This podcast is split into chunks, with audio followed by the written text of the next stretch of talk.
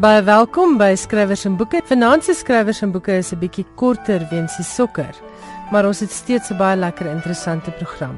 Ons spring weg ouer gewoonte met Terrence April se Afrika skrywers. Vanaand vertel hy vir ons meer van die Nigeriese skrywer Buchi Emecheta.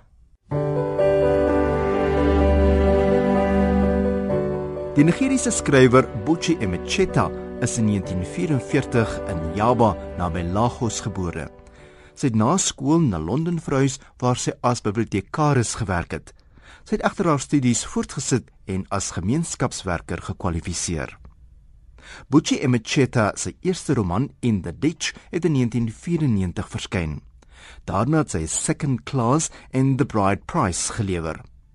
Emecheta se roman The Slave Girl het die Jock Campbell Letterkundeprys in 1977 gewen. Anderwerke uit die pen van Emecheta is The Joys of Motherhood 1979, Gwendolyn van 1980 en Head Over Water 1994. Haar laaste werk, The New Tribe, het in 2000 verskyn. Hier is 'n uittreksel uit Buchi Emecheta se The Joys of Motherhood. She used to go to the sandy square called Utimpu, near where she lived, and tell people there that her son was in Imalika, and that she had another one also in the land of the white men. She could never manage the name Canada. After such wanderings on one night, Nu Igu lay down by the roadside, thinking that she had arrived home. She died quietly there, with no child to hold her hand, and no friend to talk to her. She had never really made many friends. So busy had she been building up her joys as a mother. Dit was 'n deel uit Bocci Emecheta se The Joys of Motherhood. Hierdie kort biografiese skets van een van ons skrywers uit Afrika is saamgestel met die hulp van Robin Malan se A to Z of African Writers en uitgegee deur Shooter.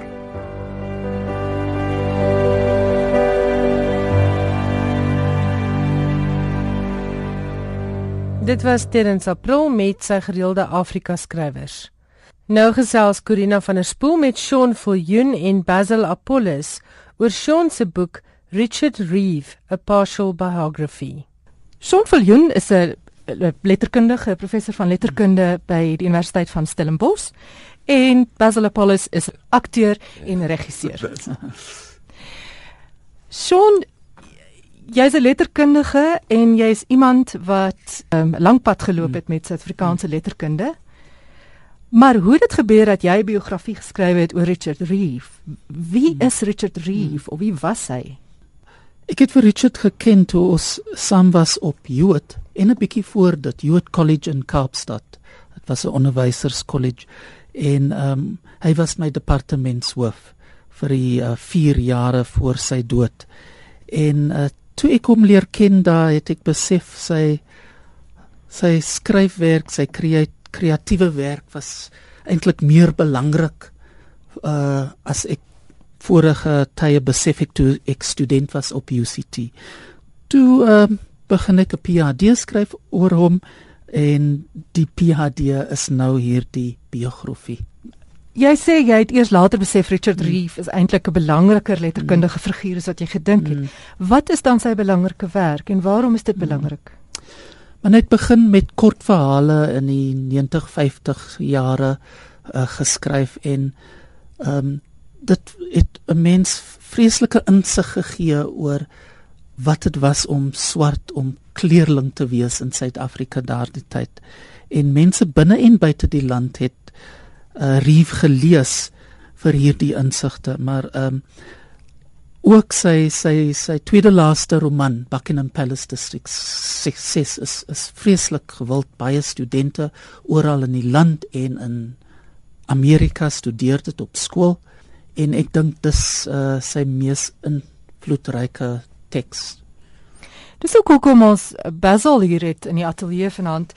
Basil, jy daar's mense wat sê jy channel Richard Reeve. Jy het eintlik uh jy's bekend vir baie dinge, maar jy is ook baie bekend daarvoor dat jy ehm, 'n uh, program gemaak gemaak het oor Buckingham Palace of jy en Sean eintlik. Ja. Buckingham Palace District District 6. Wat eintlik Richard Reeve se stem is want hy het groot geword in District 6. Het jy, wat is jou assosiasies en het jy Reeve geken? 'n glad nie. Uh, Karina, jy weet ek ek was gekast as Richard en ek nog nie die man ontmoet nie. Ek het glad nie Richard se werk geken nie. So dit was vir my 'n uh, uh, uh, jy weet ek het hom net eendag ontmoet. Ek het 'n 'n program gaan kyk by Youth Training College en daar sien ek vir Richard. En nou het ek al begin lees. En ehm um, soos Sean sê, ek het met Buckingham Palace begin, want almal het vir my gesê begin daar en dan werk jy terug tot by emergency en ehm um, en so voort. Maar ehm um, dit is 'n stem, dit is 'n stem en die artikulasie wat wat regtig geresoneer het met my. En ek is glad nie van distrik 6 nie, ek het in Parel groot geword. So ehm uh, maar wel in 'n uh, uh, uh, in 'n deel van Parel wat net so lewendig was en ook uh, onder die hamer gekom het van die groep Areas Act. So daar was baie dinge wat Richard vir my geartikuleer het in sy skrywe wat nou nog uh, resonate met my. En um, ja, ek en uh, Sean uh, later uh, ek was natuurlik in Buckingham Palace toe uh, Richard nog gelewe het. Hy het die uh, adaptation gedoen. Uh, en hy is natuurlik uh, uh, vermoor net voor die openingsaand. En 10 jaar later het die Universiteit Kaapstad vir my gevra om 'n residency daar te doen en toe ek vir Sean gesê help my ons moet nou weer 'n uh, adaptation doen. En um, en dis is hoe ons paadjie begin het mm. met Richard en uh, en ja Jesus nou al, al drie vandag in Johannesburg ja schon Basil en Richard en ek dink is Richard eintlik wat nou weer sê mm. kyk is nou weer tyd dat ek center stage is lyk my dis is iets, dit is iets waarvoor hy bekend was iemand wat so larger than life is absoluut iemand wat baie mense baie van gehou het of glad nie van gehou het. Absoluut. Absoluut. Dit het ek in uh, al my ehm um, jy weet ek met baie mense gaan praat want ehm um, 10 jaar na dit toe die Baxter 21 word toe vra hulle vir my om 'n stuk te doen oor sy lewe en sy werk. En dis hoe ek baie mense ehm um, gaan onderhoude mee voer en so voort. En dit het ek gou agtergekom. Hulle jy het hom of lief gehad of jy het hom gehaat. Mm. En ehm um, dank Vader uh, hulle sê uh, as ek sê maar meeste mense baie van hom gehou dan sê dit mense vir my begin sê ja maar jy praat seker net met die slimmes. Basil jy word half geassosieer inderdaad met hierdie Buckingham Palace stuk. Is daar 'n stukkie wat jy daaruit wil sommer dramatiseer? Dat 'n mens daai gevoel kry van wat hierdie stem van Reeve. Wie is hierdie man? Wel ja, ek dink ja, jy weet in Buckingham Palace as it say it's same same memories, say say memoirs in hy die die hy is die narrator in die in die boek self. En um, 'n stukkie daar uit is miskien um I remember 1955 when I was still a boy in Chirping 10 the decade after the end of the Second World War, when I was Tarzan and Batman and could sing, When there's a rainbow on the river, like Bobby Breen. In those red, white, and blue days, I especially remember the weekends, which began with the bustle of Friday evenings when the women came home early from factories and the men came home late from you know where and the feeling of well-being and plenty in our house up there on the upper left-hand side of Caledon Street. Ours was one of a row of five mouldy cottages called Buckingham Palace by the locals. Lovely. Wonderlik.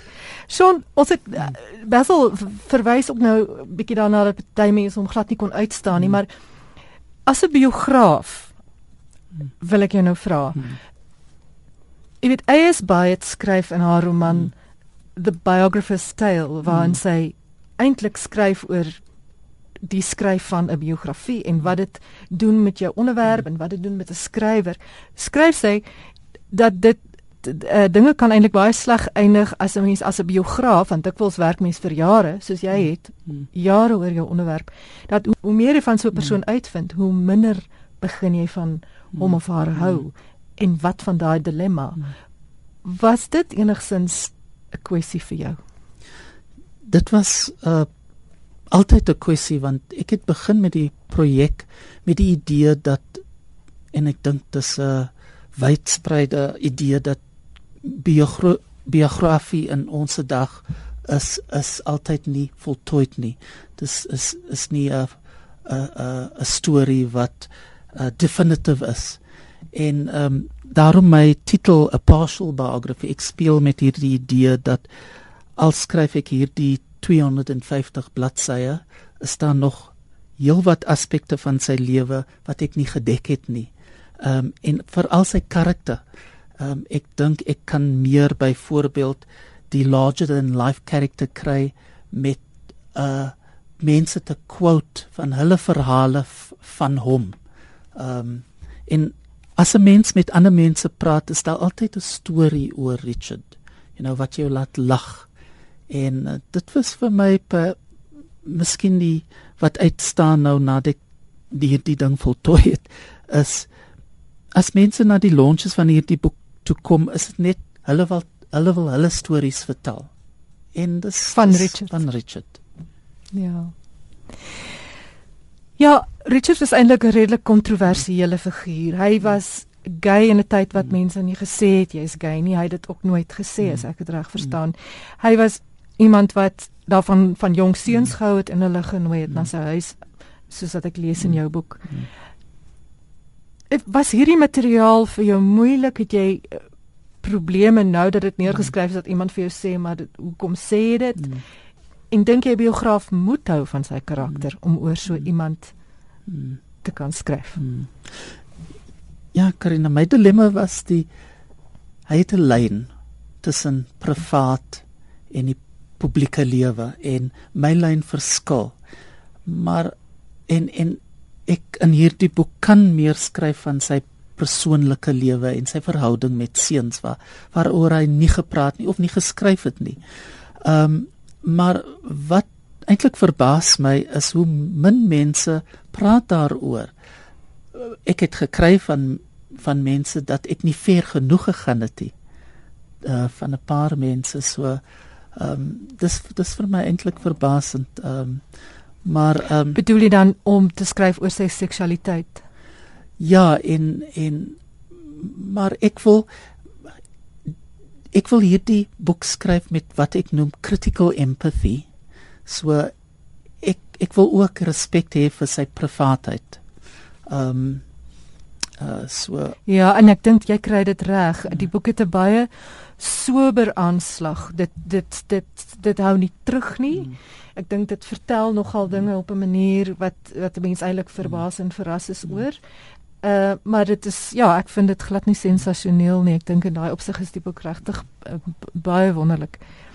Schon daar's 'n foto in jou boek van Richard Reeve saam met Marjorie Wallace. Nou Marjorie Wallace was die skilder en die uh vrou van Jan Rabie en die foto is geneem deur Jan Rabie. Hmm. Dit het my geïnteresseer. Dit is 'n vriendskap duidelik van die 1960s hmm. binne die Afrikaanse boekewêreld. Hmm. Uitskriege was daarvan deel. Hmm hoe het dit gebeur en wat is sy verhouding met hierdie groep mense? Man uh ja, die foto waarvan jy praat is van George Hallett, uh Richard Reeve en Marjorie Wallace en is deur Jan Rabie gevat uh, met George se kamera en baie van die fotos wat ek gebruik is deur George gevat. George is was 'n student van Richards en uh George sê uh, hy is nou wie hy is, 'n uh, uh, world renowned photographer omdat Richard sy hoërskoolonderwyser was. En ehm um, Richard wat wat ook vir my fascinerend is, Richard was vriende met die Kaapse skrywe kringe van sy dag, James Matthews, Alex Laguma, Alf Wannenberg, ehm um, en ehm um, das 'n vierde een ehm um, Peter Peter Clock, Peter Clock. Peter Clock. Ehm um, maar ook omdat hy uh, deur die Drum magazine uh, uh dit was hoe hy bekend geword het as 'n kortverhaalskrywer. 'n Drum story competition en SK Pashlele was die redakteur en deur dit het hy 'n uh, 'n uh, Eyskrieg en Jan Rabie het hom leer ken en hy het dan Jack Cope leer ken en hy sê Jack Cope het hom geleer om te skryf. En is deur Jan Rabie en Eyskrieg wat hy uh begin 'n uh, vriendskap ontwerp met die 60's. As ek kan net 'n kort stukkie lees van die oor oor oor dit van hierdie vriendskap. Um through his association with Afrikaans writer Krige, Reeve met Krige's fellow Afrikaans writer intellectuals Jan Rabie and Marjorie Wallace at a gathering of writers at the couple's home in Greenpoint, Cape Town. Included in the circle of friends was Breyten Breytenbach, a fellow student at the University of Cape Town with Richard. The biographer J.C. Kannemeyer uh, describes the home of Jan Rabie and Marjorie Wallace in the late 1950s as a refuge and a meeting place for artists at the time when apartheid was inc- increasingly trying to constrain the social and cultural life of these writers. So ek hulle dit was die hulle defiance campaign om te sê sê freedom of association ons is vriende met mekaar al probeer die polisie dit opbreek en dit was vir my uh, radikaal die verhouding tussen skrywers wit swart wat ook al hmm. in daardie tyd. En dan hy hy was ook vriende met Ingrid Jonker. Ja, het, uh, ek dink ek sê in die boek dit was Ingrid wat hom bewus gemaak het van love uh in sy lewe en hulle twee was baie intiem op het, op 'n tyd en hier's 'n kort paragraaf hier oor die vriendskap uh um Ingrid's death brought the circle of friends together. Ree frequently visited Rabie and Marjorie Wallace at their home in Greenpoint and regularly spent part of his vacation with them at their holiday home in Onrus. Krige and Jan Rabie were in Anmanus and Jan quietly asked a restaurateur he knew well if they could bring E. Reeve into the whites only establishment. The owner hesitated and asked, How many of them are there? And Reeve hearing this piped up all 18 million. Ja, hy was contrary, was hy nie? Ja, um, baie skerp. Ja. nou jy het begin vertel van die drum uh, van sy loopbaan wat eintlik begin het met drum en en die drum skrywers. En in sy boek Writing Black, Reeves book Writing Black wat 'n fascinerende boek is, skryf hy ook daaroor. Basil, wil jy nie vir ons 'n stukkie lees uit Writing Black van Reeve? Okay, dis nou toe die tweede keer dink ek. Ehm um, ons moet ook altyd onthou dat uh, Rie was net 'n skrywer. Ek het toe ek aan by 'n uh, one man show een man stuk gewerk het en ja, die het ek in Johannesburg bly by 'n uh, tante van my. En ek vertel haar toe dat ek nou besig is om die play te skryf. Dis sê sy vir my, "Well, uh, Richard, Richard het daar in jou kamer geslaap waar jy nou slaap. en hy was hier as 'n sport um, administrateur. En ehm um, so jy weet daar's soveel aspekte van die uh, Richard se lewe. Uh jy weet daar's die onderwyser, daar's die sport administrateur en daar's die skrywer. En uh, en dis seker uh, hy sê hier uh, dis seker dat hy sy tweede keer wat hy Johannesburg toe kom. Barney left Cape Town late in 1955 to manage a cinema in Martindale near Sophiatown in Johannesburg. He was as politically active as ever and just as romantic. He invited me to spend a few weeks with himself, his wife Rosie, and his daughter in Fordsburg. I had been to Johannesburg once before, so the experience was not entirely novel. The train journey was long and we were congested in the second class compartment set aside for blacks. I smoked like a chimney all the way to keep and kept offering mm. cigarettes to a youth who I was sure went through my pockets of my jacket whenever I left the compartment. He said he was from Sophiatown and he knew Barney's cinema well. I wanted to be in Johannesburg in order to meet some of the Drum magazine staff. I knew the editor, Sylvester Stain, quite well and used to go spear diving with Jim Bailey, the writer. The owner. I really wanted to meet Casey Mutsitsi, Blok Modisani, Tot Machikiza, especially Ezekiel Mpathlele. On the day I decided to visit their office in the city centre, I stopped at a chemist shop on the way and bought a comb in order to smarten up. When I arrived, Sylvester introduced me to Casey and Bloke and also to a bright young reporter, Louis Nkosi, who I felt later developed into an over-enthusiastic critic. I was informed that Zeke Mphahlele was expected at any moment as he was covering a bus boycott in Alexandria. When he did arrive, he stopped to talk to someone at the door. Although we had never met, I recognized him at once. He was short, slightly stout, and had deep, happy laugh. He seemed genuinely pleased to see me and dragged me away with him to pick up a second-hand car he had just bought. We all admired the car, chuckled over it, and then uh, with Zeke at the wheel, went off to Nadine Gordimer's home in Parkdown West, where we was where he was expected. I learned later that Nadine was not over enthusiastic about the avalanche of extra uninvited guests with whom she had to cope. not over enthusiastic beskryf nogal Nadine baie goed. en jy praat van die toevalligheid Basil toe dat dit blyk dat jy toe in dieselfde kamer slaap by jou tante waar Richard geslaap het. Ja. Maar Shaun, jy het vertel dat jy ook so 'n vreemde toevalligheid ontdek het toe jy die foto's bekyk. O, dis reg, ja. Ja. Ehm um, ek het 'n foto gekry van die argief uh by UCT en dit was van Reeve en uh op hoërskool op Trafalgar waar ehm um, sy onderwysers groot invloed gehad het op sy idees om die formasie van sy idees en uh toe dink ek ek gaan hierdie foto gebruik want dit sy hele matriekklas. Toe ek nou keurig kyk sien ek ander mense wat ek ken wat deel was van die biografie Ivan Abrams se vrou ehm um, uh en ek gebruik Ivan baie ook in die biografie want hy was vriend en klasmaat van Richard op Jood. Tweede derde keer kyk ek na die foto toe besef ek daar net voor Richard sit my pa.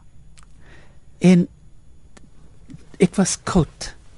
Dit was net een van my epiphanies hoe hoe intiem hierdie uh sirkels van mense is in die Kaap. Al is dit 'n kleurling of wit of swart, maar ehm um, dit dit was dit was vir my 'n epiphany op om dit te sien.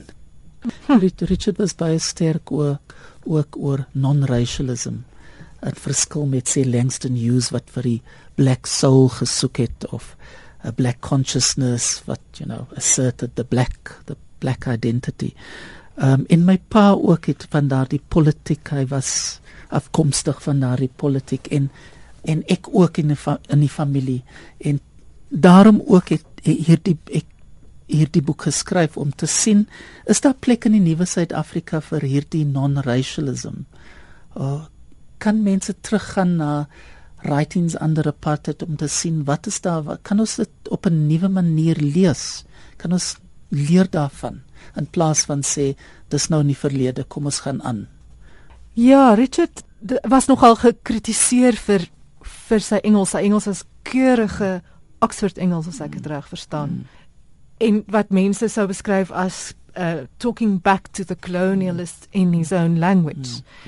Tino mm. Achebe praat oor om te skryf in jou taal, nee, om te skryf in die in die taal maar ook in jou eie tong. Mm. Ehm um, in ander woorde en ek voel dit wanneer ek Basil wanneer jy. Richard Reeve so gedramatiseerd opvoer. Hmm.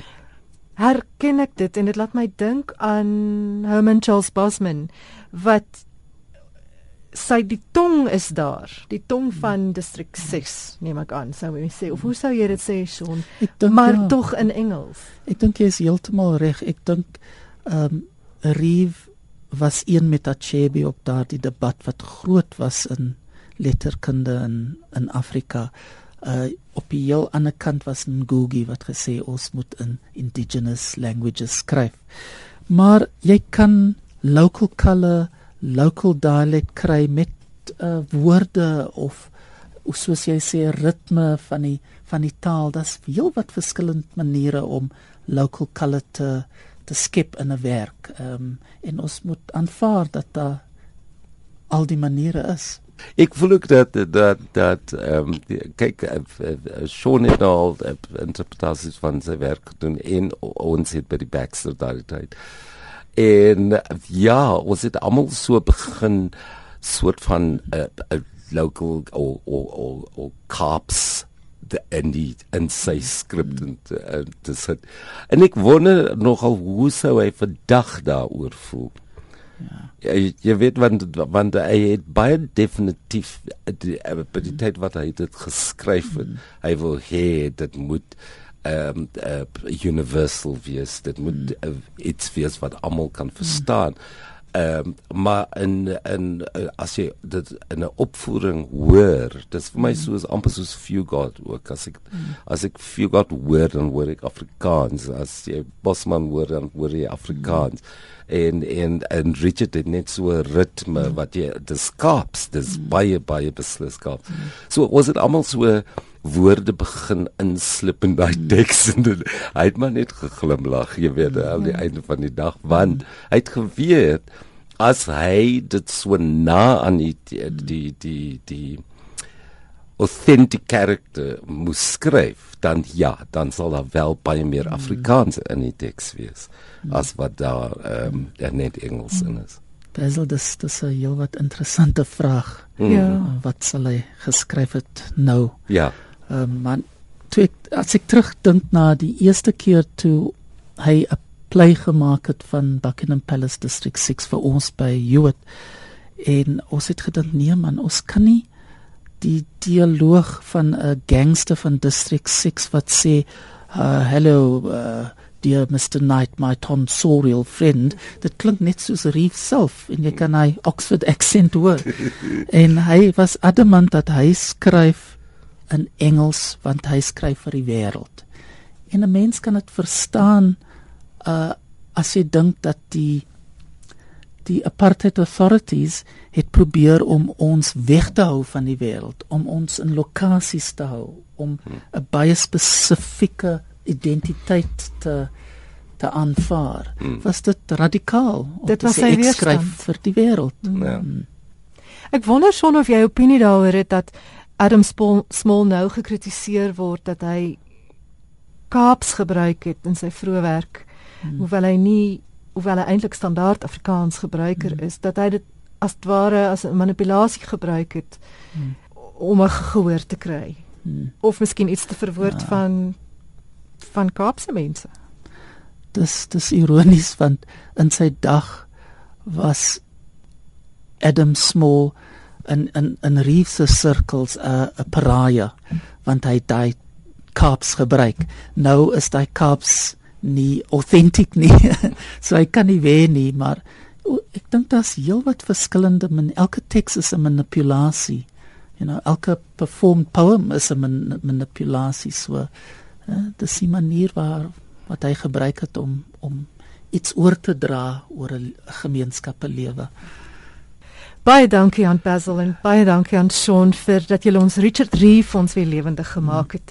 En dat ons regtig weer moet kyk na hierdie persoon wat al in 1989 gesterf het. Vermoor is in 1989 en op 'n manier weet die jonger generasie nie van Richard Reeve en waarom hy 'n belangrike skrywer is nie. So ek wil mense aanmoedig om te gaan kyk na die Richard Reeve biografie deur Sean Viljoen. Dit is gepubliseer by Wits University Press en opvoering. Daar's 'n Richard Reeve opvoering Basil. Vertel ons daarvan en wanneer ja, is dit? Dit is aan die einde van die jaar, dit begin die 26ste November. Dit is ehm uh, getiteld My word Buckingham Palace. en dit is my word en Richard se woord. Eh uh, daar en uh, dit is 'n uh, bietjie uh, kyk Julle dit jy jy en Sean het dit eintlik aangewakker want ehm um, die reaksie en, en mense het beamf my gevra by die district ses museum maar wanneer doen jy dit weer? Wanneer kan ons dit nou weer sien? Uh, is dit nou nie tyd nie? En toe die het gesê ag jy is besig om uh, regisseur te wees vir twee one man shows. Kan jy nie net met hulle praat nie dan doen ons twee shows daar op op aand En um, wel en dit is toe bewerkstellig en nou gebeur dit. So ek dink dit is Richard wat ook wil sy stem weer laat hoor. Maar ehm um, jy weet in die aanvang van die van die uh, Kaapstad as die ehm um, world design capital.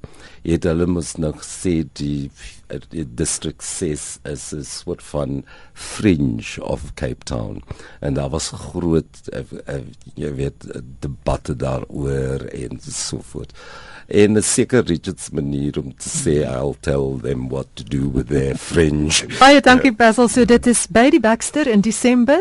Uh let op vir Basil Apollos se program My World Buckingham Palace. Ek is Corina van der Spool en ek het gesels met Shaun Viljoen, die skrywer van 'n biografie oor die literêre figuur Richard Reeve en met die akteur en regisseur Basil Apollos. Nou is dit tyd vir Johan Meiburg se gereelde internasionale bydrae en vanaand vertel hy vir ons van 'n baie vreemde internasionale topverkoper.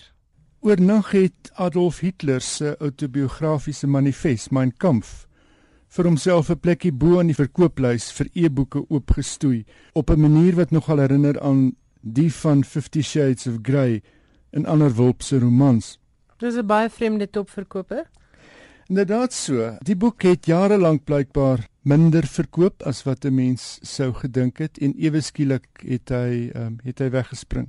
Mense eintlik gehoop het hy sal uitdruk uit. As jy kyk hoeveel van hoe, hoe, hoeveel eksemplare van Mein Kampf het verkoop rondom die Tweede Wêreldoorlog, is dit absoluut verstommend. Hitler het Mein Kampf vertaal as My stryd in 1925 gepubliseer en die volgende jaar het die tweede volume gevolg. In die twee bande verduidelik hy sy politieke ideologie en gee hy met een sy toekomsplanne vir Duitsland. Volgens die Britse dagblad The Independent het die boek jare lank kwaliek verkoop. Maar met die aantog van e-boeke duik die titel nou oral in lyste van topverkopers soos Amazon en iTunes op. In Brittanje is Mein Kampf vierde in die kategorie vir geskiedenisnaslaanwerke 6ste in die afdeling vir Duitse geskiedenis en 20ste in die afdeling vir boeke oor die Tweede Wêreldoorlog. Die politieke skrywer en joernalis Chris Ferrowan meen mense wat voorheen nie dood met die boek op die skoot betrap sou wou word nie of wat die boek nie op 'n rak in die huis sou wou vertoon nie, lees nou sonder skroom die digitale weergawe. Dis dieselfde patroon wat 'n mens gesien het met 50 Shades, sê hy. Die Huffington Post berig dat Mein Kampf in die FSA nou die topverkoper is in Amazon se afdeling vir propaganda en politieke sielkunde en 12de op die lys van iTunes se e-boeke vir politiek en sake van die dag. Volgens The Guardian is meer as 'n dosyn gratis weergawe van die boek in Engels meer as 100 000 keer afgelaai van Archive, die nuwensgewende internetdiens terwyl verkope van e-boekweergawe besig is om die hoogte in te skiet. In 'n peiling die week op 'n webblad om die publiek die geleentheid te gee om te sê met watter boek hulle nie in die openbaar betrap wil word nie, het die meeste L. Ron Hubbard se Scientology the Fundamentals genoem. Terwyl jy praat, sit ek en wonder, wie kry die tantieme op Hitler se boek? Daarvan het ek het ek geen benul. Maar ja, sou dit nou 'n museum of 'n stigting of so iets gaan? Iewers moet dit heen gaan, ja. Baie interessant. Jy het verjaarsdagnuus. Ja, Osip Mandelstam, een van die bekendste Russiese digters van die 20ste eeu, is op 3 Januarie 1891 in Warskou gebore. Sy welgestelde familie kon dit bekostig om na Sint Petersburg te verhuis en dit is waar die jong Mandelstam begin gedigte skryf het. Hy het studeer aan die universiteite van Sint Petersburg, die Sorbonne en die in Heidelberg in Duitsland. Teen 1910 het hy gereeld gedigte gepubliseer in 'n tydskrif en die volgende jaar het hy saam met Nikolai Gumilev en Sergei Gorodetsky 'n digtersgilde begin. Hulle het bekend gestaan as die Acmeiste en in reaksie op die simbolisme was hulle oogmerk 'n terugkeer na onopgesmukte, helder en konkrete beelding in hulle verse. Mandelstam se eerste bundel vertaal as klip in Russies was dit Kamen het in 1913 verskyn. In 1922 het Tristia verskyn en in 1928 nog twee bundels uitgegee as gedigte 1921 tot 25 en gedigte. Mandelstam het as joernalis en vertaler gewerk en gaandeweg openlik swaarde gekruis met Josef Stalin se regering. In sy poesie het hy geweier om die amptelike leerstellings van die sosialistiese realisme te verwoord. In 1933 het Mandelstam 'n satiriese vers oor Stalin geskryf. 'n vers wat later genoem is Mandelstam se doodsvonnis in 16 versreëls. Hy het die gedig voorgeles aan 'n paar vriende onder wie Boris Pasternak en Anna Akhmatova. Die gedig het nie net gelei tot sy eie arrestasie nie, maar ook die van Akhmatova se seun en man Lev Gumilev en Nikolai Pinin. In 1937 is Mandelstam toegelaat om terug te keer na Moskou. Die volgende jaar is hy egter weer in hegtenis geneem Hy is tot 5 jaar in 'n korrektiewe kamp gefonnis en het wel in 'n deurgangskamp naby Vladivostok aangekom, maar is kort daarna dood aan ongespesifiseerde oorsake. Mandelstam se vrou Nadeshda het in twee memoirs oor haar en Osip se lewe geskryf. Hope Against Hope in 1970 en Hope Abandoned in 1974. Dit was Johan Meiburg met sy gereelde nuus oor internasionale boeke en skrywers. Baie dankie Johan. Dis dan ongelukkig alwaar vir ons vanaand tyd het.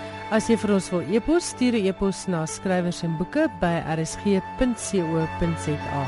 of stuur 'n SMS na 3343, maar onthou elke SMS kos R1.50 en gratis SMS'e tel nie. Ons is op 'n potgooi as jy weer na die program wil luister, klik eenvoudig by rsg.co.za. Gaan na potgooi en dan klik jy op skrywers en boeke om vanaand se potgooi te luister. Andersins word die program weer uitgesaai Saterdagnag om 1uur in die program Deurnag. En daarmee groet ek Elsje Salzwetel dan tot volgende Woensdag aand net hier op RSG. Lekker slaap.